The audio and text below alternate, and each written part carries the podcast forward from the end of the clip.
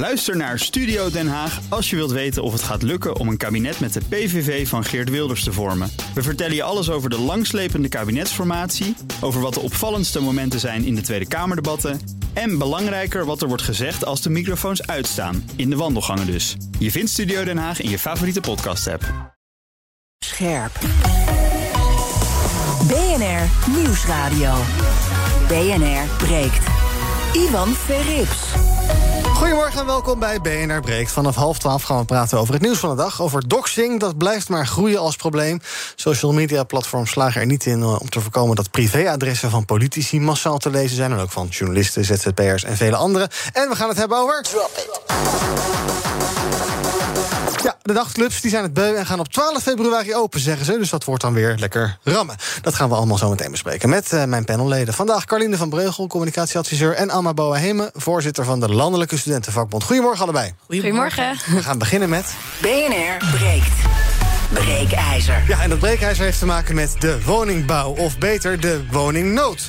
Want Hugo de Jonge heeft als kerstversminister van Volkshuisvesting... en Ruimtelijke Ordening meteen een vette kluif op zijn eh, bureau liggen. Aan mooie plannen geen gebrek om in 2030 maar liefst 1,2 miljoen huizen erbij te bouwen. En ook Nederlandse gemeenten, die zijn de beroerdste niet... hebben op eh, allerlei powerpoints prima plekken in kaart gebracht voor al die huizen. Maar toen gingen co en Follow the Money eens eh, lekker graven... om al die plannen nader te onderzoeken. En wat blijkt dan? Ja, die bouwplannen van die gemeente die staan bol van de onzekerheden. Landelijk overzicht ontbreekt. Iedereen is een beetje het eigen wiel aan het uitvinden. En intussen kunnen jij en ik geen huis vinden. Laat staan een betaalbaar huis. Vandaar ons breekijzer vandaag. Het kabinet moet de regie pakken als het gaat om de woningbouw. Wat vind jij?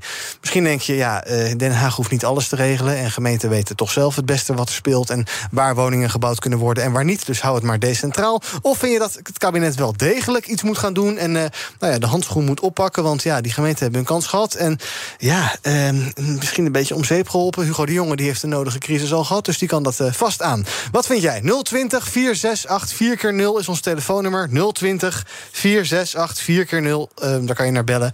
En dan uh, spreek ik je zo meteen. Wil je niet bellen, maar wel stemmen? Doe het dan via de stories van BNR Nieuwsradio op Instagram. Aan het einde van het half uur krijg je een tussenstandje van me. Zometeen hoor je wat mijn panelleden ervan denken. Maar ik begin bij Niels Kok. Hij is hoogleraar vastgoedfinanciering aan de Maastricht University. Goedemorgen, Niels. Goedemorgen. Ja, ons breekijzer, de stelling waar luisteraars op kunnen reageren. Het kabinet moet de regie pakken als het gaat om woningbouw. Ik ben ook heel benieuwd wat jij ervan vindt. Ja, ik, ik ga je even verrassen hier uh, deze ochtend. Uh, ik wil het zo meteen over aanbod hebben, maar de woningmarkt is natuurlijk vraag en aanbod. Mm -hmm. En we praten met z'n allen nu over hoe we 1,2 miljoen woningen uh, gaan bouwen. Dat moeten we ook zeker doen. Uh, waarbij ik ook van mening ben dat, de, dat de overheid daar een heel belangrijke rol binnen heeft. Maar we moeten ook kijken naar die, naar die vraagzijde. want we kunnen het niet alleen oplossen met bouwen. Dus uh, breekijzer ook deze ochtend. Kijk naar de perverse prikkels voor samenwonen. We hebben 2,2 miljoen huishoudens in de, in de AOW, waarvan een miljoen alleenstaand. We hebben bijna 500.000 huishoudens in de WW, waarvan uh, de helft ongeveer alleenstaand. En als die mensen gaan samenwonen met elkaar, dan raken ze 30% of meer van hun inkomen kwijt. Nou, dus wat doen al die mensen? Die blijven alleen wonen op 100 vierkante meter, op 80 vierkante meter. Dat is zonde. Ja. Dus als je op de, de perverse prikkels gaat wegnemen voor samenwonen... dan kan je misschien ook iets doen aan de vraagzijde. Okay. Moeten we nog bouwen, ja. maar misschien net wat minder. Oké, okay, nou, dat zou dan iets schelen. Dan wordt het er misschien geen 1 miljoen, maar uh, nou, hoeveel dan? 900.000, 850 of zo? Scheelt, hoeveel scheelt dat? 800.000. Okay. Ja, nog steeds. Nou, en dan bij die 800.000. Vind je dat daar Den Haag de ja. regie moet pakken en het moet overnemen van de gemeente die ja, eigenlijk ook, uh, ja, maar nou ja, ik zal niet zeggen wat aan het doen zijn. Die doen vast hun best, alleen het is allemaal zo'n uh, rotzooitje. Het is gepiel in de marge. Ja, ja. het is gepiel in de marge. Kijk, uiteindelijk, binnenstedelijke verdichting moet, hè, kan, hm? en daar heeft de gemeente de regie. Maar daar gaan we het niet mee redden. Hè, met, met, de aantal, met de duizend woningen die Haarlem binnen de stad kan bijbouwen Weet je, daar red je het niet mee. Dus uiteindelijk moet je naar, noem maar even, de moderne Vinex-locatie. Denk, denk Leidse Rijn, uh, Vleuten. 100.000 mensen die daar wonen. Dat is een beetje uh, wat we nodig hebben. -hmm. ja, daarvoor heb je, heb je regie nodig. Daarvoor heb je uh, regie nodig om te zeggen... in Zeewolde geen datacenter, maar we gaan op die hectares... gaan we, gaan we 10.000 woningen bouwen. Dus... Ja. Ik ben absoluut een groot voorstander van, uh, van, van regie vanuit de overheid. Hè, voor die uh, noem het even de moderne Vinex-locaties, ja, binnen de stad. Dat is denk ik beter dat Hugo de Jonge wegblijft. Althans, uh, hij mag nog naar huis. Maar Alleen in Rotterdam. het goed is als de overheid zich bemoeit met, met de verdichting. Ja, precies. Voor Rotterdam ook. Uh, minister van Wethouder Wonen wordt hij dan ook. Oké. Ehm, ik praat zo met je verder. Ik ga een rondje panel doen. Dan kijken hoe onze luisteraars erover denken. 020 468 4 keer 0 is ons telefoonnummer. De stelling is: het kabinet moet de regie pakken als het gaat om woningbouw. En als je nu belt, dan praat je zo meteen mee. Alma, wat vind jij? Ik denk dat het sowieso duidelijk is dat er een gigantisch probleem is. Zeker voor jonge mensen is het heel moeilijk om een huis te vinden. En dat daar heel snel iets aan moet gebeuren, is volgens mij ook duidelijk. Uh, we hebben nu een minister van Wonen. Dat lijkt mij een hele mooie kans om dan ook landelijk de regie te pakken en daar echt iets aan te doen. En dat je dan vervolgens, als de landelijke lijnen zijn uitgezet, dat de gemeenten dat dan verder kunnen invullen. Dat lijkt mij een mooie taakverdeling. Ja, jij bent dus voor Carline, wat vind jij? Ja, ik, ik denk dat we met name moeten kijken hoe de overheid gemeenten beter kan ondersteunen. Want wat ik wel heel positief eigenlijk aan dit nieuws vind, is dat ze dus wel de ambitie hebben om 1,2 miljoen woningen te bouwen. Wat eigenlijk hoger is dan wat we ons als doel hebben gesteld. Dus je ziet natuurlijk ook vaak dat de overheid zegt, nou, wij willen uh, naar 2 miljoen. En dat de gemeente dan zegt, nou, uh, wij willen de helft. Dus mhm. de ambitie is er, maar blijkbaar uh, is er nog wat hulp nodig, denk ik, in het zorgen dat die plannen wat, wat definitiever worden. En ik denk dat het belangrijk is dat we kijken hoe we hen kunnen ondersteunen. In plaats van dat we het nu over gaan nemen terwijl de ambitie goed is. Ben je het daar maar eens, Niels? Ja, daar ben ik het mee eens. Kijk, uiteindelijk moet het initiatief ook bottom-up vanuit de gemeente komen. Maar de overheid ja, die heeft een belangrijke regierol. En ik denk, hè, als je kijkt naar Flevoland, ja, daar heb je een, een overheidsbeleid nodig... waarbij de gemeentes vervolgens kun, eh, kunnen gaan invullen. De, de nieuwe omgevingswet is belangrijk, zodat de gemeentes ook niet verzand raken in procedures. Want we willen wel bouwen, we hebben wel plannen. Maar vervolgens komt de inspraakprocedure. En zijn we 108 maanden verder totdat, hè, totdat zeg maar, de schop in de grond gaat. Dat, dat, zijn we bijna, bijna tien jaar verder. Ja, dan hebben we nog een veel groter probleem. Dus die overheid kan ook helpen met het stroomlijnen van, uh, van regelgeving, ook op lokaal niveau. Gaan onze luisteraars uh, uh, overschakelen. Kijk hoe zij denken over ons breekijzer. Het kabinet moet de regie pakken als het gaat om de woningbouw. 020 468 4 keer 0 is ons telefoonnummer. Jeroen, goedemorgen. Hoi, goedemorgen. Zeg het maar. Ja, uh, ik vroeg mij af, kan de gemeente, uh, of nee, sorry, uh, kan de overheid uh, niet kleinere woningen bouwen? Ehm, niet iedereen zit te wachten op een doorzonwoning. Dus met, ik zal maar zeggen, drie verdiepingen. Ja. Dus kleiner, dat is vraag één. En vraag twee, kunnen we ook niet wat de hoogte in? Dus ja, ik zou maar zeggen wat ze in New York doen. Ja, uh, uh, flats en dergelijke meer. Dus duidelijk, ik ga je zo meteen jouw ideeën voorleggen. Joachim, goedemorgen. Ja, hallo, goedemorgen. Ik dacht, als de overheid nou als opdrachtgever een vernieuwing doorvoert in het automatiseren van woningbouw voor de hele wereld. Want Nederland is toch al voorloper op dat gebied, zeker sinds de Tweede Wereldoorlog. Ik denk dat het een enorme kans is om een verdienmodel uh, hier te maken. Ja, dus we moeten onze kennis exporteren, zeg jij? Absoluut. Ja, duidelijk, dank. Gregory, goedemorgen. Goedemorgen. Nou, ik ben helemaal mee eens dat de overheid moet uh, de regie pakken. Ja. Op twee vlakken. Eén, de mentaliteit van Nederland. En Nederlanders moeten een beetje veranderen. Want ik vind dat bouwen, bouwen, bouwen. En ik hoor iemand over tien jaar, lost het probleem niet op. Terwijl als wij met kleine aanpassingen, zoals de belastingvoordelen voor mensen die samen gaan wonen of uh, gezinnen wat langer bij elkaar zijn, hm. als de belastingen gewoon aangepast zijn, dat de voordelen niet kwijtraken, hm. ik denk dat we hebben al te pakken een kwart van de woningen die in Nederland staan, die ruimte zijn veel te groot voor één persoon. Dus mijn idee is mentaliteit eh, proberen zo aan te passen dat wij misschien langer bij elkaar blijven en accepteren dat wij woningen kunnen delen in plaats van alleen maar bouwen, bouwen, bouwen. En het tweede idee? Als we woningen willen gaan bouwen, hebben we al misschien, de bevolking is maar zeg maar 2 miljoen gegroeid. Ja, dan blijf je allemaal bouwen. Duidelijk. Dat zijn Niels ook net in je tweede idee? Mijn tweede idee was dat mentaliteit aanpassen. Ja, precies. Duidelijk. Dat wij dat mentaliteit Spanje, in Italië. Je ziet dat de mensen langer bij elkaar blijven. Uh, generaties nog langer bij elkaar. Dat twee idee, dat mentaliteit een beetje proberen aan te passen. En dat alleen door de overheid, door de mensen te stimuleren langer bij elkaar te blijven. Duidelijk, dank eh, voor het bellen, Gregory.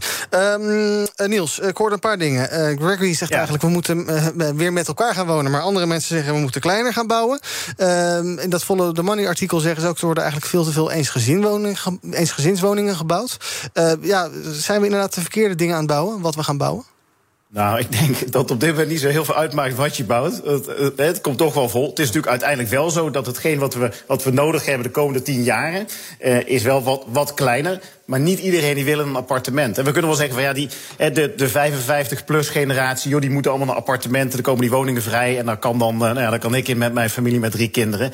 Maar zo werkt het natuurlijk niet. -huh. Dus ja, we moeten kleiner bouwen. Ja, we kunnen binnenstedelijke verdichting doen. Kijk naar Utrecht, denk ik, mooi voorbeeld... Maar niet iedereen die wil in een, uh, nou ja, in een appartementje zonder balkon zitten. Nee. Dus uiteindelijk zullen we ook grondgebonden woningen, chic woord voor eensgezinswoningen, moeten bouwen. En dat neemt nou eenmaal meer ruimte in. Ja, en de dus, hoogte in? Ja, de hoogte in perfect. Ja, I'm all for it. Alleen, eh, eh, ja, nou ja, ik woon in Maastricht. -huh. Niemand zit hier te wachten op een woontoren met 22 nee. verdiepingen. En in Utrecht kan dat makkelijker. Amsterdam kan dat makkelijker. Dus ja, en ook daar kan de overheid wellicht een rol spelen in het stroomlijnen van de regelgeving en ook de inspraak. Want ja. uiteindelijk, hè, ik kan wel een, een, woontoren voorstellen, maar dan krijg ik heel veel uh, commentaar van iedereen om mij heen, de buren, et cetera.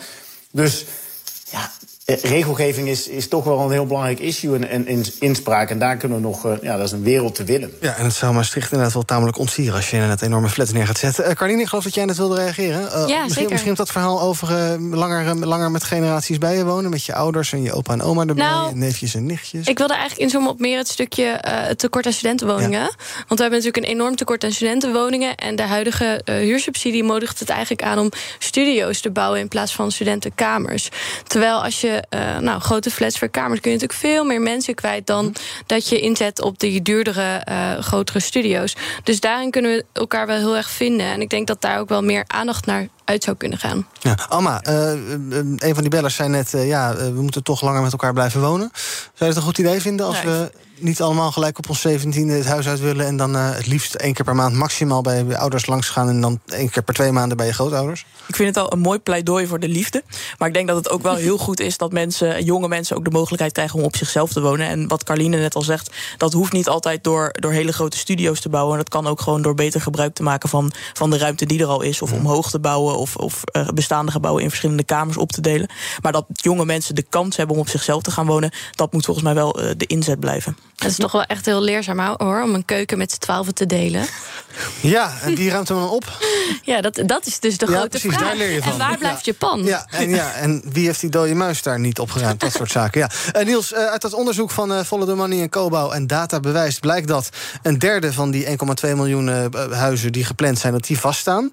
Ja. Maar dat er ook wel wat gedoe is over definities... en dat het dan weer soms wisselt en projecten komen en gaan. de provincies houden niet dezelfde definities aan.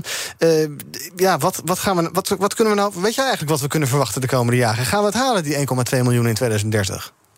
De answer is no. Nee, dat gaan we niet halen. Kijk, als je, als je historisch kijkt, bouwen we een beetje 60.000 woningen per jaar uh, over de laatste 20 jaar. Afgelopen jaar was dat 69.000. Het piept en het kraakt al. Hè. Dus een van de luisteraars zei net, joh, we moeten modulaire bouw doen, snelle bouw. Dat is, dat is een, denk ik, best wel goed idee. Ook als je kijkt naar het tekort überhaupt aan arbeid, aan bouwvakkers. En we kunnen nog ineens meer bouwen, al zouden we het willen. Dus wij gaan geen 1,2 miljoen woningen kunnen bouwen. En we moeten heel blij zijn als we kunnen bouwen uh, voor de huishoudens groeien. Maar dan blijft het huidige tekort van zo'n 300.000 woningen natuurlijk bestaan.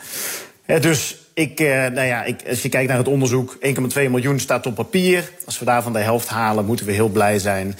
Um, en, dat, en, dat is denk ik echt de realiteit. Oh, ja. Er zijn zoveel, uh, nou ja, naast arbeid... Uh, ook het feit van, joh, ik, ik wil bouwen, het lukt me niet, want het duurt negen jaar voordat ik de grond vergund heb. Ja. Negen jaar. Je zit voor 2031 ja. en dan gaan we beginnen. Dan is de deadline inmiddels voorbij.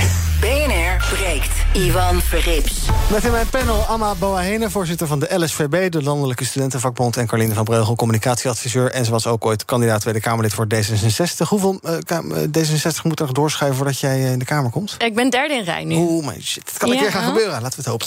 Uh, dan blijf je ook gewoon komen, hè? Zeker. Goed, daar hou ik je aan. ook bij mij is Niels Kok, hoogleraar vastgoedfinanciering... aan de Maastricht University. En we praten over ons breekijzer. Het kabinet moet de regie pakken als het gaat om woningbouw. Wil je reageren? Pak je telefoon en bel naar 020 468 4 keer 0 Of stem in de stories van BNR Nieuwsradio op Instagram. John, goedemorgen. John of John? Ja, goedemorgen. Hallo, goedemorgen. Nou, ik ben het uh, deels met de stelling eens. En dat komt er uh, om dat uh, de overheid zou de gemeentes eh, moeten faciliteren om meer capaciteit voor vergunningen eh, goed te keuren. Want als ik. In eh, Zuid-Limburg een eh, revitalisatieproject wil starten om iets, eh, een oud gebouw te revitaliseren naar, naar duurzame woningen, dan, dan, dan mag ik blij zijn als ik in 2023 zou kunnen starten. Die gemeentes zijn perfect in staat om dat zelf te doen, maar het ontbreekt een stuk aan capaciteit. En daar zou de centrale overheid in kunnen helpen. Duidelijk, dank voor jouw oproep. Alberto, goedemorgen. Ja, hallo. Hallo, zeg het maar. Ehm, mijn vader is 98 jaar en woont in een instelling. Ehm, hij hij eh, keert niet meer terug naar zijn eigen woning. Wij willen die woning nu nog niet verkopen, omdat wij dan meer erfbelasting betalen. Dus wij moeten echt wachten tot hij is overleden. Ja. Ja, en dan eh, betalen wij iets minder erfbelasting. En eh, regelmatig vinden wij briefjes in de brievenbus van gezinnen met kinderen die graag in zijn huis zouden willen wonen. Ja, dat is ook cru. Ja, ja. Ja, intussen staat het huis gewoon leeg dus. Ja, het staat gewoon leeg. Ja. Zonde. Heel jammer. Dus hij zegt, als je iets, iets zou veranderen aan, aan het belastingstelsel op dit gebied... dan zou het, eh, nou ja, dan zou je het best, je wil het best verkopen. Alleen ja, je moet er niet op achteruit gaan natuurlijk. Ja, precies. Ik wil niet eh, nog meer eh, belasting betalen. Nee. Carline, daar moet de politiek toch wat aan doen? Dit soort rare eh, eh, prikkels? Nou, die erfbelasting is er natuurlijk voor een reden. Hè? Dus als je vermogen bent, eh, dat je oud geld niet zomaar standaard in je familie houdt, Mhm. maar dat je daar belasting over betaalt. En als er nu een huis leeg staat, wat verkocht kan worden op deze markt, wat je zegt dat er gezinnen zijn die gewoon staan te dringen om een woning, dan denk ik dat het. Ja, dat het niet aan het systeem ligt, maar dat je gewoon het huis moet verkopen. Ja, maar ja, als, het, als je een paar jaar wacht en het is dan is het natuurlijk voordelig om het huis te verkopen... dan kan je het Alberto ook niet kwalijk nemen, toch? Ja, nou, weet ik niet. Ik, ik vind dat zelf nog wel een ethisch vraagstuk hoor, om daar zo financieel in te staan. Eh, want het betekent natuurlijk niet dat je het geld meteen binnen je gezin hoeft te verdelen. eh, of dat eh, vader het nog even op zak houdt. Maar kijk, er is een reden dat je geld betaalt over vermogen. Ja. En ik ben daar helemaal voor, want op die manier is het eerlijker in ons land en, en hebben mensen meer gelijke kansen. Ja, nou, dan ben ik nog wel even benieuwd, Alberto, hoe jij die, eh, die, eh, die, die ethische afweging maakt. Nou ja, ik heb niks tegen het betalen van erfbelasting. Maar, ehm, dus, dus dat moet toch een keer gebeuren. Maar ja, waarom gaan wij dan nu meer erfbelasting betalen als ik het nu zou verkopen? Dus dat, dat, is, dat is even wat ik niet snap. Ja, terwijl als je vader, bij wijze van spreken, ik hoop het niet... maar morgen zou overlijden en je verkoopt het overmorgen... dat het een heel ander tarief is. Dat is misschien toch wel een beetje gek. Maar je, hoeft het toch nog niet eh, onder te verdelen binnen het gezin? Ik bedoel, het kan ik, ga gewoon- jullie, ik ga jullie even aan elkaar koppelen... dan moet je het even later zelf uitvechten... want anders gaat het een beetje lang duren. Tot slot van dit blokje even Leanne, goedemorgen. Goedemorgen. Zeg het maar. Eh, ik ehm, heb eigenlijk twee punten. Ik ben benieuwd eh, wat voor soort woningen er gebouwd worden. Niet zo sinds één gezinswoning, maar wordt het hypotheek, eh, koopwoning of een huurwoning? Eh, want we zouden eens moeten bekijken van hè, mensen die huren, zoals ik, 1200 euro per maand. Eh, wat best hoog is. Eh, maar wil ik hypotheek, kan ik eigenlijk niks normaals krijgen. eh, waardoor ik nog steeds in dezelfde huurwoning vastzit. En daarnaast ook hè, dat mensen blijven scheef wonen, wat ook begrijpelijk is. Want willen ze ook naar duurder, is het ook weer niet te betalen. Ja, dit is een groot probleem, Niels, hè, wat eh Leanne aansnijdt. Ja, ja, ja, nou ja, ik denk dat we. eh, Er heerst in Nederland natuurlijk aan een beetje een stigma over, over huren versus kopen. Hè. Kopen is beter. Nou ja, dat is op, op papier. Initieel is dat zo, maar dan moet je ook die woning nog onderhouden. Je betaalt nog, WOZ, et cetera. WOZ-belasting, woonzaakbelasting. Dus uiteindelijk denk ik dat hè, met hele lage rente, ja, kopen beter. Alleen die rente die gaat wat stijgen. En denk ik dat we wat meer in evenwicht komen. Eh, in Nederland is natuurlijk 4,5 miljoen eh, eh, eh, van de woningen is koop en de rest is, is huur. Heel groot deel is corporatie. Dus ik geloof ook wel dat we ook huurwoningen moeten bijbouwen. Want niet iedereen die wil kopen, niet iedereen kan kopen. Sommige mensen zijn mobiel. Ehm, dus uiteindelijk moeten we het allebei, moeten we het allebei doen. En als we meer huur bijbouwen, nou, dan komt er meer concurrentie op de markt. En dan gaan die huren ook wat omlaag. Van 1200 euro, de vrije sector, is gewoon een hele hoop geld. Nog wel even naar Alberto. Ehm, kijk, op het moment dat het huis leeg staat en er komen briefjes in de bus, zeg ik verhuur dat huis aan, aan een gezin. En, dat, en daar denk ik dat je ook vanuit ethisch perspectief een, een, een keuze kan maken om 2000 euro per maand te vragen of 1000 euro. En maak je het nou ja, eh, toegankelijk of niet. En dan kan je over twee, drie jaar zeg je tegen de mensen van nou. Opzouten je uit het huis. kopen. Ja, opzouten. Nou ja, of, of, of je hebt een optie tot koop. Ehm, maar even één statistiekje. Eén persoonshuishoudens ouder dan 67 die wonen gemiddeld op 117 vierkante meter. ja. Weet je, kom op jongens. Ik, daar, kan, daar, daar kan een heel gezin in wonen. Dus ja, ik denk wel dat we daar echt een, een issue hebben. En is dat scheef wonen? Nou ja, kan, hè, mijn, mijn moeder is een voorbeeld hiervan. Ik kan er moeilijk, moeilijk de huis uitsturen. Maar ik denk wel van... Ook op Zouten. het is zonde. kan ook een gezin wonen. En dat kan zijn naar, naar dat mooie kleine appartementje... wat we helemaal eh, energie-neutraal hebben gebouwd. Hartstikke fijne plek. Een micro-living, kunnen ook studenten in... Dus uh, ja, is iedereen blij. Ja. Um, woningbouwdeskundigen die waarschuwen in het artikel dat er veel tegenvallers in de plancapaciteit van gemeenten zitten. Uh, gemeenten die onderschatten hoe lang die projecten kunnen duren vanwege verontreinigde grond, tekort aan mensen. Je hebt het al besproken. Uh, procedures bij de Raad van State, ontwikkelaars die projecten niet rendabel krijgen. Nou, hebben we gelukkig een nieuwe minister van Wonen. Dat is Hugo de Jonge. Um, luister even mee naar Noeska Dussard, journalist bij Cobouw. Die zei vanochtend hier op BNR dat Hugo de Jonge het niet makkelijk gaat krijgen. Als je hiermee moet beginnen, en eigenlijk zijn de cijfers die, waar je dit op gaat bouwen, het nieuwe beleid, uh, zijn vrij onbetrouwbaar en uh, wankelen uh, aan alle kanten. Dan wordt het erg lastig om er een, effectief beleid op te stellen. Ja, en de jongen zelf die kwam vorige week in zijn eerste woondebat ook al met een soort winstwaarschuwing. De volkshuisvesting, dat is echt een vraagstuk wat mensen uit hun slaap hadden. En dat komt omdat het niet alleen mensen zelf raakt, maar, maar inmiddels ook ja, eigenlijk op alle verjaardagen het gesprek van de dag is. Bij ieder koffieautomaat het gesprek van de dag is. De problemen zijn ook zo groot dat we ook eerlijk moeten zijn. Er is niet een quick fix. Het is een beleidsterrein waarin de besluiten die je neemt een lange doorwerktijd hebben. Uh, en je echt niet zomaar eventjes uh, volgend jaar een totaal andere situatie teweeg zou kunnen brengen als afgelopen jaar. Nou, Alma, die jongen zelf ziet het ook niet zitten. Dat is fijn. nou, ik denk juist dat rijtje van, van problemen dat jij net opnoemt voor gemeenten, dat lijkt me juist bij uitstek iets wat hij als minister kan coördineren en waarbij hij de gemeente kan helpen en assisteren. Uh, dat zijn volgens mij dingen die je heel goed landelijk kan oppakken. Dus het lijkt me dat hij dat gewoon maar moet gaan doen. Ja, ben je het daarmee eens? Ja, ik denk dat ik heb daar wel vertrouwen in. En ik denk ook dat het goed is om realistisch te zijn. Kijk, je komt als minister ook op een post. En inderdaad, als dit de administratie is, heb je wel wat te doen. Maar um, ik denk dat hij daar wel uh, over na heeft gedacht voor de ja zijn. Ja, um, dan kijken we nog eventjes naar de plekken waar dan uh, gebouwd wordt. Want dat is dus helemaal in kaart gebracht. Uh, op, bij Follow the Money onder andere. Vandaag artikel gratis te lezen. Bekijkt u het even. Of niet, kijk maar wat je wil. dan wordt er dus bijvoorbeeld gaan steden als Almere. Nee, Lelystad gaat verdubbelen qua grootte. Almere gaat 70% meer woningen bevatten dan nu. Er gaan 150.000 woningen komen.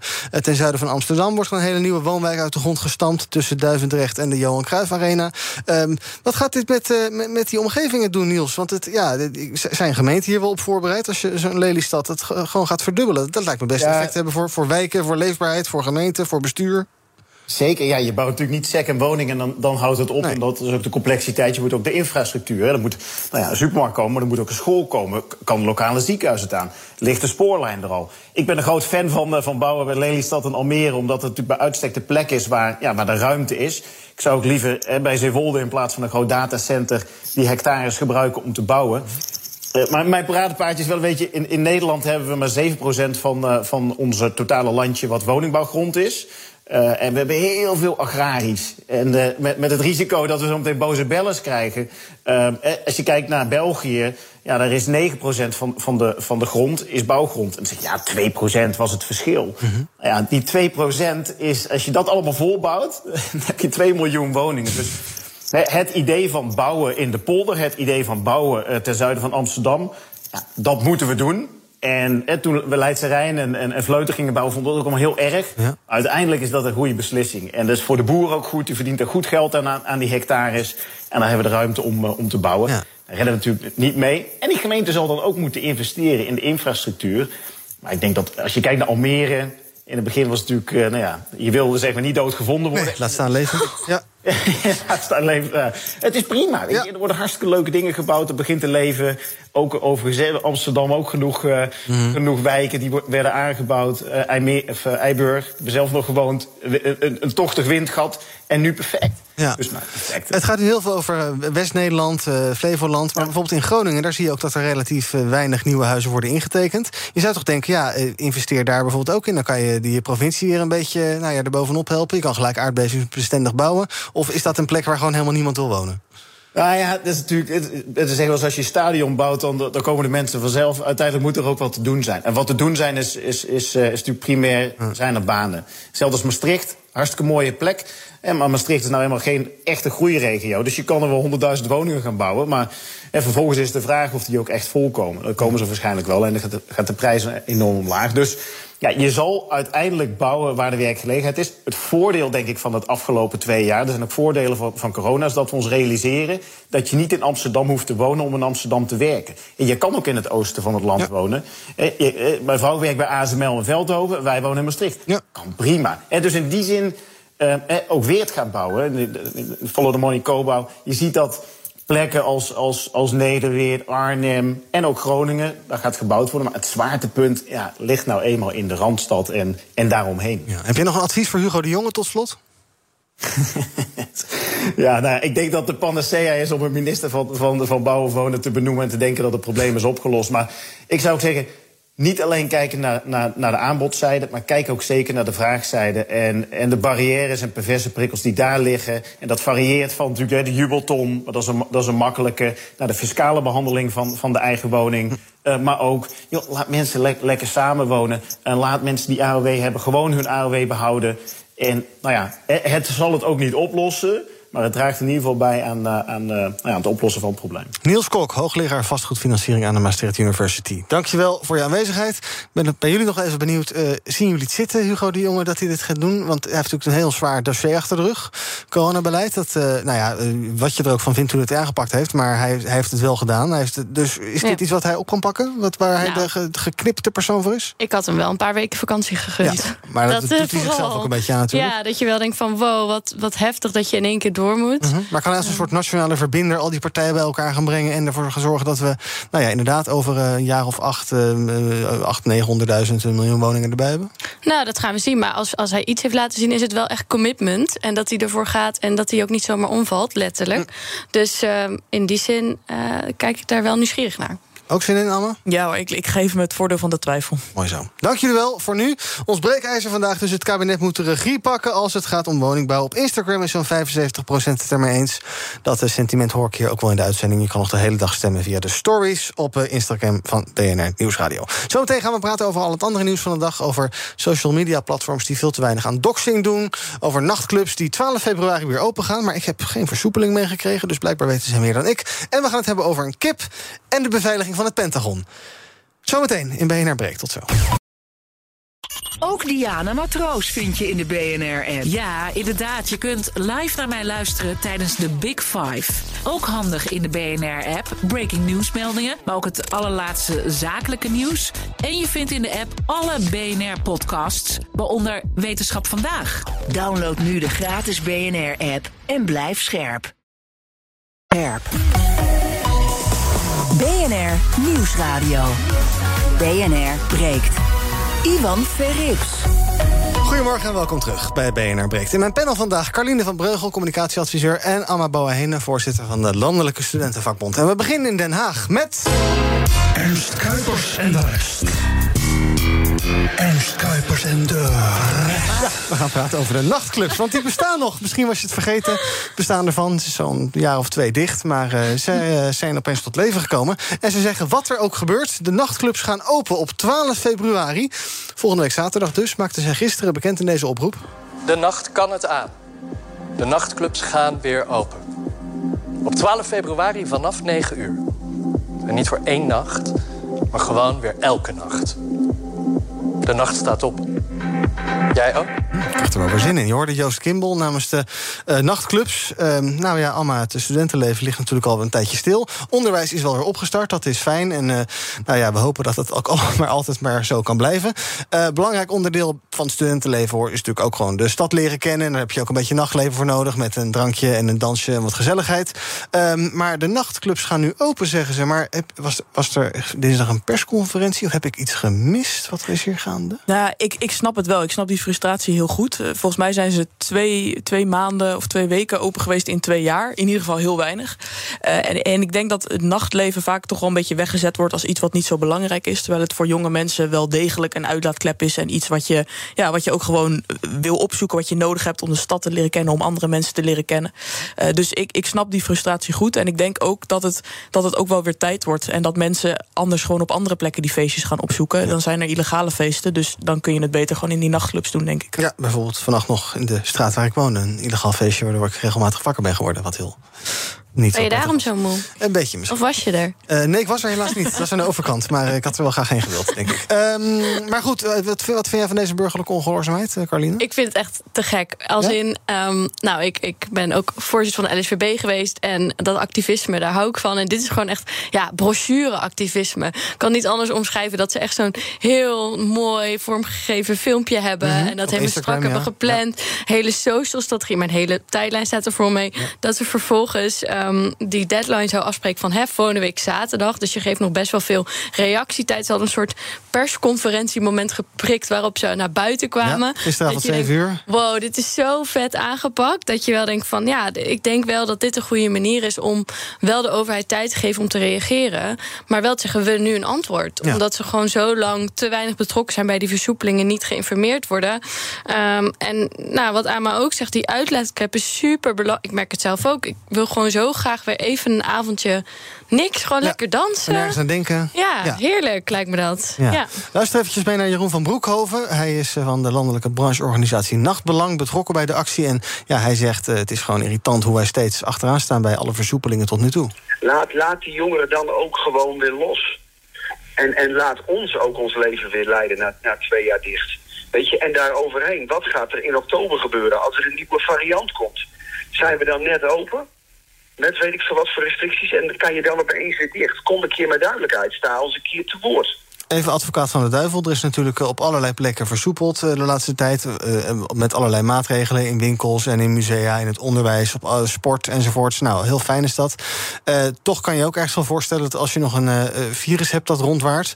Dat ja, als je met elkaar in een bedompt eh, techno-hol gaat staan. Wat lekker is en fijn. En nou ja, daar misschien leuke mensen tegenkomt, dicht bij elkaar, lekker dansen enzovoorts. Ja, dat dat nou niet de meest ideale omstandigheid is om een virus te bestrijden. Nou ja, ik denk wat je natuurlijk wel moet bedenken is dat het ook onderdeel is van de nieuwe strategie dat die besmettingen oplopen. Dat is een risico dat we nu aanvaarden. Dus dat zal dan inderdaad ook gebeuren als het nachtleven open gaat. Maar ik denk ook, wat jij net zelf al zegt, er zijn nu ook gewoon illegale feesten. Ik kreeg pas nog een filmpje doorgestuurd van mensen die ook ergens in een grote zaal met heel veel mensen bij elkaar waren. Dus dat gebeurt nu ook al. Dan kan je het volgens mij beter op enigszins gecontroleerde eh, voorwaarden doen. Ja, zijn naar illegale feesten geweest? Nee, maar wat ik ook wel vind is dat. Kijk, Saai. ik vind. heel saai, ja, dat krijg je als je op een staat. nu heel veel feesten. Die zijn gewoon nu gaande. Ik ga even kijken. Nee, maar dat speelt natuurlijk enorm dat, dat er zelf feestjes worden georganiseerd. En ik denk ook, daarom vind ik het wel mooi dat ze die week termijn geven. Dat er nog wel een reactie kan zijn vanuit de overheid van oké, dan met 1G, eh, iedereen testen dat we het echt eh, nog wat meer ondervangen. Mhm. Eh, dus daar vind ik het wel goed dat ze niet zeggen, oh, we gaan eh, zeg maar vandaag zeggen we gaan morgen open, maar even die aanlooptijd. En ik neem aan dat we daar dus nog wel ehm, afspraken over kunnen maken met ze. Ik zie het ene Jordi hier vanavond in Amsterdam van 24. Die houdt een huisfeestje. Zin in een feestje, kom gezellig langs. Nou, meld je aan via Amigos. Eh 1G, zei jij. Dat is volgens Van Broekhoven geen optie. Wij zien niet voor ons hoe eh, de overheid nu opeens eh, eh, testcapaciteit tot aan miljoenen mensen kan gaan laten testen op een zaterdag. Want, want dan zal 1G, eh, eh, dat is dus iedereen testen, dus heel veel mensen. Ja, dus dat eh, gaat hem niet worden. Ja, weet ik niet. Dat, dat zal de overheid dan moeten uit, uitzoeken of ze dat wel of niet gaan redden. Ik weet, met, eh, toen iedereen op vakantie eh, wilde en daar ook voor moest testen, hebben ze ook een gigantische capaciteit gerealiseerd. Dus misschien is het wel mogelijk. Nou ja, ehm, volgende week zaterdag dus. hè. ik zag dat bij sommige eh, clubs al eh, de kaartverkoop gestart is. Ehm, maar dan moeten ze het wel echt gaan doen. Of, of ga je Ja. dan weer laf krijgen dat ze volgende week vrijdag zeggen... nou, we hebben het overleg gehad en we doen het toch maar niet. Maar zou je dat laf Ik zou het niet laf vinden als zij volgende Als week... je nu zegt, we gaan volgende week zaterdag open... dan moet je niet volgende week vrijdag zeggen... oh ja, we gaan toch niet open. Nou, maar dat, dat vind ik ook wel. Kijk, zij hebben gewoon steeds geen plek aan tafel gehad. Die eisen ze op. Dat is denk ik heel goed dat ze dat doen. En als ze nu zeggen, nou, over de twee weken later kunnen we met testcapaciteit opschalen, open op een veilige manier, eh, dan is het oké. Dat- Dan zou ik dat niet een aanfluiting vinden. Ga je ergens heen dan volgende week zaterdag? Zolang het volgens de beleid niet mag, zou ik, ga ik zelf niet. Maar ik begrijp wel dat mensen daar wel voor kiezen. Ga jij volgende week zaterdag ergens heen? Als het nog niet mag, maar het kan wel. Daar ga ik nog even over nadenken. Oké, heel goed. Hm, zo braaf in deze studio. En jij dan, Iwan? Ga ik jij? ehm, denk het niet. Jij gaat vanavond naar het feestje van. eh, Alhoewel ik er wel zin in heb. Ehm, Nou, misschien ook wel. Ik zal er nog even over nadenken. Maar misschien dat, er is komende dinsdag weer een beslismoment, geloof ik. Hè? Een soort weegmoment. Ja. Misschien dat Kuipers ook wel weer eens naar een dikke techno-rave wil, wie weet. Uh, we gaan uh, naar ander nieuws van vandaag. We gaan het hebben over doxing. Uh, het ja, opzettelijk lekken van persoonlijke gegevens van mensen... om ze ja, zwart te maken of te bedreigen. Ehm, dat gebeurt veel bij politici. Bijvoorbeeld onlangs bij minister Sigrid Kaag, maar ook bij Hugo de Jonge. adressen die online staan en die dan honderdduizenden mensen kunnen bereiken. Um, dat gebeurt dus bij politici, bij ZZP'ers, bij gewone burgers... bij journalisten, bij van alles en nog wat. Het onderzoek van BNR blijkt nu dat de social media platforms er maar niet in slagen om te voorkomen dat die adressen van prominente politici massaal worden verspreid. En als dat gebeurt, ze ook pas heel laat offline halen. Uh, doxing is al langer een probleem. Um, is jouw adres makkelijk online te vinden, denk je, Carline? Nou, het is grappig dat je het vraagt. Want toen ik voorzitter was van de LSB, is er een soort datalek geweest. Heeft ja. iemand bij de KVK alle adresgegevens oh, opgevraagd. Ja. Dus uh, dat zou zomaar kunnen. Maar ik heb nog niet zo'n sticker naast mijn voordeur gehad. Maar het is natuurlijk wel een onveilig gevoel dat je denkt, nou, om je uit te spreken, uh, daar kan je voor geïntimideerd worden. Dus het feit dat, uh, dat daar nu een wet voor, wetgeving voor komt, vind ik echt uh, heel erg belangrijk. Ja, het is inmiddels zo'n groot probleem dat inderdaad die wet in de maak is. ja, doxingwet noemen we maar eventjes, die ervoor zorgt dat dat strafbaar wordt. Aleid Wolfsen van de Autoriteit Persoonsgegevens vindt dat een heel goed idee. Want op dit moment is de straf voor dit soort ja, ellende nogal magertjes. Op dit moment kun je onder de privacywetgeving van ons alleen een boete krijgen. En als het heel ernstig is, uh, nou ja, als je echt bedreigd wordt, dan staan mensen voor je deur, dan is een boete vaak niet voldoende. Dus dat is een hele goede wetgeving. Maar je moet ook de bron van dit soort dingen aanpakken. Ja, Alma, wat, zou, wat is de bron van dit probleem? Ja, het is wel een lastig probleem, maar ik denk dat het heel goed is dat er wetgeving uh, gaat komen, omdat het echt de democratie ondermijnt, wat mij betreft, ja. dat dit soort dingen gebeuren. Uh, het zijn politici, journalisten die hun werk willen doen en die uh, van ook wie het politie. adres, ook politie, van wie het adres online wordt gezet, waardoor ze ontzettend geïntimideerd worden en hun werk eigenlijk niet meer naar behoren kunnen doen. En dat moet je, ja, dat moet je volgens mij gewoon echt aanpakken. Dus ja. het lijkt me goed dat er wetgeving komt. Wolfsen zegt, nu krijg je een boete als het een beetje tegen zit. wat zou dan wel een terechte straf zijn als je, dit doet, als je het adres van uh, Mark Rutte online zet? Nou, ik ben zelf uh, strafrechtsstudent, dus ik zou in dit geval altijd zeggen dat je moet kijken naar de omstandigheden van het geval en dat ik niet één, één strafmaat nu kan, kan, kan aangeven. Maar ik kan me voorstellen dat een geldboete in veel gevallen wel wat laag is. Ja, ja en uh, de, het probleem verhelpen, namelijk bijvoorbeeld de Kamer van Koophandel, waar allerlei data in staat, maar ook kadaster, waar allerlei data in staat, waar je heel makkelijk bij kan. Zou dat ook wel iets helpen? Dat het misschien ja. wat makkelijker wordt om privédata uh, als standaard ook gewoon af te schermen? Ja, het is superbelangrijk. Zeker bij KVK, als, als je eenmanszaak bent, dan moet je adres gewoon online staan. Um, Lise van Rennica die maakt er nu ook een groot probleem van. Dus ik ben daar wel heel blij mee dat daar gewoon iets meer veiligheid uh, door ontstaat. Alrighty, dank jullie wel voor nu. BNR breekt. Man die ook gewoon online te vinden is, is Thomas van Zel Media. Eenmanszaak. Ja, ik zie... Heb je dat net gedaan? Ja, ik zie het hier. En welk adres staat? Ja, dat ga ik niet zeggen. Maar, dat nee, maar, ben... maar vind je het vervelend? We kijken of het klopt. Nou, kijk maar. Denk het wel, of niet? Of is het oud adres? Is het goed? Oh, ja, ik zou oud zeggen. Dat is correct. Is, correct. is, is toch correct. Ja, uh, ja. jij de keizersgracht, want dat wist ik niet. Maar even, vind je het vervelend of niet? Uh, nou, ik weet dat het zo is. En ik heb ja. er ook uh, laatst uh, een gesprek over gehad met een jurist... die ook wel zei, er gaat wel iets veranderen aan de wetgeving. Je kunt er ook voor zorgen als eenmanszaak... Ja. moet je wel wat uh, trucs uithalen om dit te voorkomen. Mm. maar ik heb nog niet het idee dat ik doelwit ben. Misschien dat het na de uitzending van vandaag anders is. Wie heb je te gast? nou, ik, denk eigenlijk niks ten nadele van de gasten. Misschien juist wel een pre dat het mee zal vallen. Erik Does is de gast. Hij is de topman van Udea, een biologische groothandel. Ook bekend van Ecoplaza en Markt met een... Kun je? Inderdaad. De vraag is, hoe gaan zij het bolwerken in die consoliderende supermarktbranche? Want de grote spelers worden groter. Is er bereidheid om meer te betalen voor biologisch voedsel? De autoriteit Consument en Markt heeft er onderzoek naar gedaan. Zegt, nou, dat valt wel mee. De consument is krenterig. Over de autoriteit Consument en Markt gesproken. Die spreken wij ook nog vanwege de boete die ze hebben opgelegd aan PostNL. Er zijn in 2019 brieven te laat bezorgd. Is dat de schuld van PostNL of kunnen zij zich beroepen op overmacht?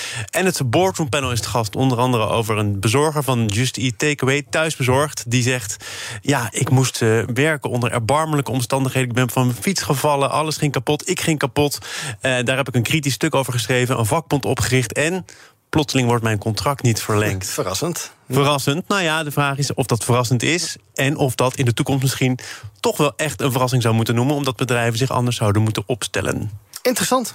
Zo is het. Over een minuutje of 13, 14. Hier op BNR. BNR breekt. Moeten, moeten Facebooks van de wereld ook an- dingen anders doen? Want hoe kan het nou zijn dat het adres van Sigrid Kaag... eh, de- tientallen dagen online staat?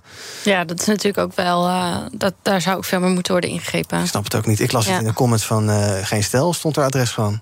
Ja, Zo, is- ik heb het opgezocht op Google Maps... en dan zie je inderdaad die, die deur waarbij die vent met die fakkel daarvoor stond. Jeetje. Wat heel erg maf. Enfin, we gaan praten over het nieuws van de dag. En dat doe ik met mijn panelleden. Eh Amma Boahene, voorzitter van het Landelijke Studentenvakbond... en Carline van Breugel, communicatieadviseur. En ehm, ik begin bij uh, Inemine Mutte. Amma, wat, waar wil jij het over hebben? Eh, ja, ik wil het hebben over iets wat de aanstaande zaterdag gaat gebeuren. Eh, het compensatieprotest namelijk. Eh, we verwachten dat er duizenden studenten de straat op gaan... om een eerlijke compensatie voor het leenstelsel af te gaan dwingen. Ehm, en eh, ja, het belooft denk ik wel echt... een van de grootste studentenprotesten van de afgelopen jaren te worden. Want wat willen die studenten allemaal? Nou, studenten die onder het leenstelsel gestudeerd hebben... die willen eerlijk gecompenseerd worden. Eh, op dit moment trekt het, kabinet zo'n 1 miljard uit... voor de compensatie van die studenten. Wat neerkomt op ongeveer 1000, 2000 euro per student. Terwijl veel studenten met schulden van 40, 50, 60.000 euro zitten. Eh, en dat is echt niet eerlijk. Dus eh, studenten die gaan de straat op om meer af te dwingen. Ja, ik had afgelopen maandag in mijn panel, ehm, dat was eh, Geert Noordzij, die eh, een van de organisatoren is, geloof ik, daarvan. Eh, die had, vond ik eigenlijk niet echt een goed antwoord op de vraag van wat is dan wel een reëel bedrag? Want ja, het gaat dus nu om 1000 euro per persoon, maar je kan zo 30, 40, 50, 60.000 euro aan studieschuld opgelopen hebben. Moet dat dan allemaal kwijtgescholden worden? Dat gaat natuurlijk vele miljarden kosten. Of moet je dat co- compenseren aan de hand van een nieuwe regeling die er komt, of aan de hand van de oude regeling? Wat, wat, wat is nou wel de oplossing? Help ons even. Ja, wat, wat ons betreft zou het het eerlijkste zijn als deze generatie studenten die onder het leenstelsel gestudeerd hebben, als die een gelijke uitgangspositie krijgen als de studenten die wat eerder en wat later zijn gaan studeren. Dus als je deze studenten geeft wat ze onder het oude eh, studiefinancieringsstelsel gekregen zouden hebben, dus voor 2015. eh, dat was voor een student op kamers ongeveer 270, 280 euro per maand. En voor vier jaar studeren zou je dan bijvoorbeeld 14.000 euro krijgen. Dat zijn wat ons betreft eerlijke bedragen. Ja, en dat is dan gewoon in eh, keiharde euro's. Of een aftrek van je schuld. Of, ja. Nee, dat zou in, in, echt in eh, keiharde euro's moeten zijn eigenlijk. Omdat ook, er ook studenten zijn die juist hele lage schulden hebben... omdat ze heel veel gewerkt hebben, omdat ze thuis zijn blijven wonen... omdat hun ouders veel hebben bijgedragen. Terwijl zij eigenlijk natuurlijk ook de dupe zijn geworden van het leenstelsel. Dus wat ons betreft zou Die je hebben die- die hebben die iedereen moeten die hebben die compenseren. nodig dan toch? Ja, zeker wel. Want er Oh. zijn ook. eh, ik kreeg pas nog een mail van, eh, van een vader van iemand die zei dat hij na zijn pensioen weer was gaan werken om voor de, eh, de studie van zijn kind te betalen. Mhm. Er zijn ook ouders die schulden aan zijn gegaan om hun kind te helpen. Ook, ja, ook die mensen hebben onder het leenstelsel gestudeerd en moeten die compensatie krijgen. Carline, waar wil jij het over hebben? Ik wil het graag hebben over de vertegenwoordiging van jongeren in de gemeenteraad. Eh, eerder eh, bleek al dat in de Tweede Kamer er natuurlijk amper jongeren zitten. Eh, en nu blijkt ook dat in de gemeenteraad het maar om 7% van de mensen, van de acht, meer dan 8000 raadsleden, die onder de 30 is. En ik vind dat een groot probleem, omdat ik denk dat sowieso de generatie waar die nu opgroeit op een andere manier is opgegroeid. Hè, een veel glo- globalistischere samenleving, mobiele telefoon en überhaupt tegen andere problematiek eh, aanloopt. Zoals bijvoorbeeld nou, de huizen, woningmarkt vandaag over gehad, maar ook klimaat en leenstelsel. En die groep die wordt nu eigenlijk niet of weinig vertegenwoordigd in de gemeenteraad. En ik denk dat daar een hele belangrijke verandering te maken is. En nou ja, dat kunnen de lu- luisteraars ook doen. Want als je dat nou belangrijk vindt, kijk dan even wie er in jouw stad jong is en een beetje hoog op die lijst staat, maar net onder de kiesdrempel. En geef diegene een zetje door daar je voorkeurstem aan te geven. Is er al een website die een overzichtje heeft van alle jongeren? Ja, Stem op een Jongere is hiermee bezig. Dat is dus echt. Ik heb dit zelf toen voor de, voor de Tweede Kamer gedaan. Maar dat was echt al immens veel werk. En nu zijn ze met, eh, met groepjes in steden per stad dit in kaart aan het brengen. Om zo eh, dat inzichtelijk te maken. Dus Stem op een Jongere kun je daarvoor volgen. Ik had gisteren nog eh, Tom Scheepstra hier van het CDA. En die zei, bij ons gaat het eigenlijk best goed. We hebben hartstikke veel jongeren op de lijsten. En die was heel tevreden. Wat fijn, ook verkiesbaar. Want dat, daar zit dan vaak Daar de, zit hem de crux, Ja. ja. de crux. Dat je dan inderdaad vanaf plek 8 tot en met eh, 16 eh, drie jongeren hebt staan. Mhm. Maar eh, als die vervolgens niet eh, daadwerkelijk een positie krijgen... dan ja, misschien zijn ze een soort schaduwfractie... maar dan zie je toch dat ze nog te weinig inspraak krijgen... Ja. om echt die jongeren te vertegenwoordigen. Maar het, het ligt dus niet aan die jongeren. Want je zou kunnen denken, die jongeren hebben geen interesse in eh, politiek. Want ja, de Hmm. gemeente, who cares? Ik bedoel, eh, Nee, dat idee heb ik helemaal niet. Omdat je ziet gewoon dat die jongere partijen echt hartstikke steady zijn. Mhm. Ja, de, de helft van onze panelleden hier is volgens mij eh, lid van een jongere partij. Dus Dus die zijn heel groot. Alleen ik denk dat jonge mensen gewoon... Ik weet dat jonge mensen vaak onderschat worden. Dus ze gaan eerder over ze praten. Want de mensen die daar zitten, die hebben zelf ook een uh, dochter van 20. Mm -hmm. uh, in plaats van dat we met ze praten en daadwerkelijk een zetel geven. Dus ja. het is te veel optioneel nu om mensen, als we daar zin in hebben, een stem te geven. Zou het iets voor jou zijn, Alma, de gemeenteraad? Ja, het zou wel iets voor mij zijn. Ja? ja. Je staat maar, ook op een lijst. Ik sta ook op een lijst, ja.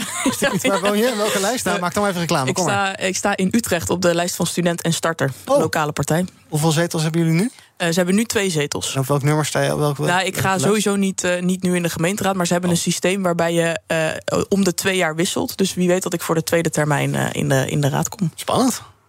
Ja. Dus stem op Amma. Ja, dat kan. Ja. Wel bezig met, uh, met de uh, campagne? Uh, nog niet echt eigenlijk. Ik wil wel even meedenken hoor. Nog anderhalve maand. Ja, kijk, we hebben een communicatieadviseur, dat is heel goed. Aan de andere kant nog heel kort. gemeenteraadslid, het is hard werken. Ja. Je krijgt er wel een vergoeding voor, maar het is niet een enorme vetpot. Nee, klopt. Het is, heeft ook wel een best wel hoog afbreukrisico. Want je staat ook wel in de schijnwerpers van de lokale krantjes en dergelijke. Als het een beetje tegen zit. Dus ja, wat is daar eigenlijk leuk aan? Behalve dat je elke avond tot de diep in de avond met allemaal oude grijze witte mannen zit te vergaderen. Ja, nou ja, je ziet dus inderdaad dat het aantal 60-plussers 38% vormt van die groep. Dus dat is gigantisch.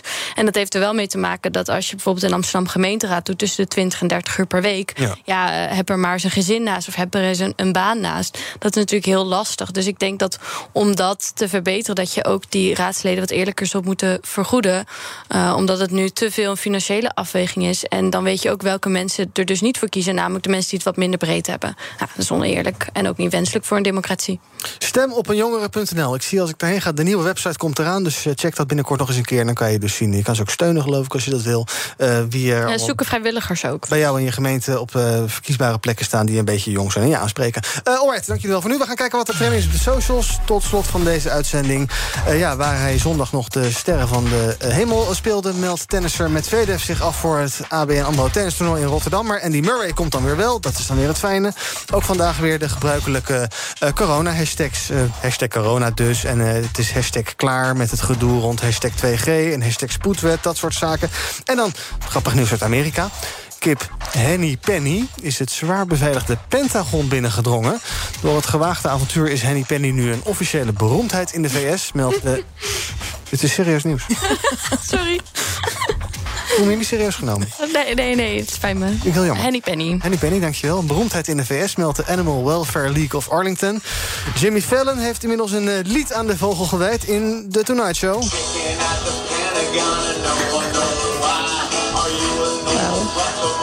Ja. Hiervoor luisteren we BNR.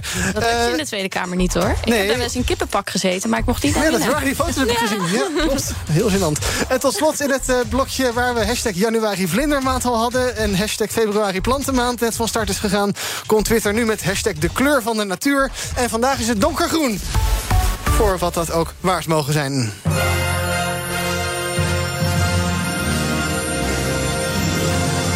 Ze zijn al begonnen, de Olympische Spelen. Er wordt al druk gecurlingd en gerodeld. Morgen is dan de openingsceremonie. Dan zijn ze officieel begonnen. En dan ga je ook deze Olympische hymne horen. Komt-ie?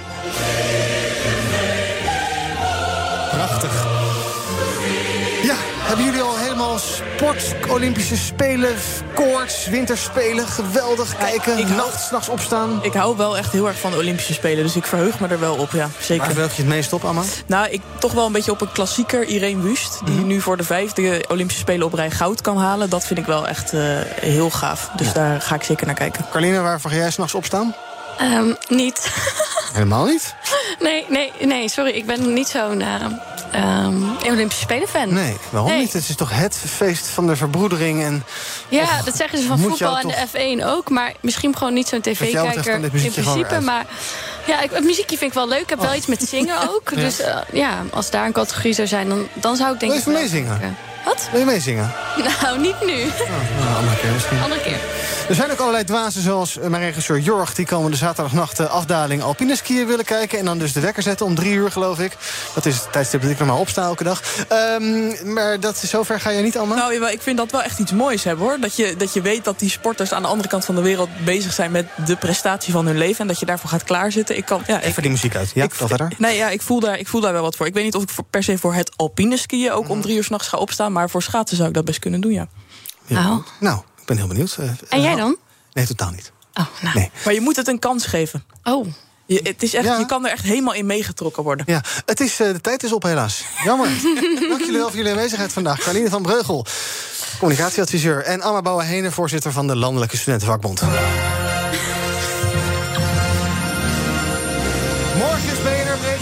Tot die tijd kun je ons volgen via de socials, YouTube, Instagram, Twitter... en zometeen is hier Thomas van Zel met Zaken doen. Tot morgen. Bij BNR ben je altijd als eerste op de hoogte van het laatste nieuws. Luister dagelijks live via internet. Bas van Werven. En heel langzaam komt de zon op rond dit tijdstip. Je krijgt inzicht in de dag die komt op BNR, het Binnenhof in Nederland en de rest van de wereld. De Ochtendspits. Voor de beste start van je werkdag. Blijf scherp en mis niets.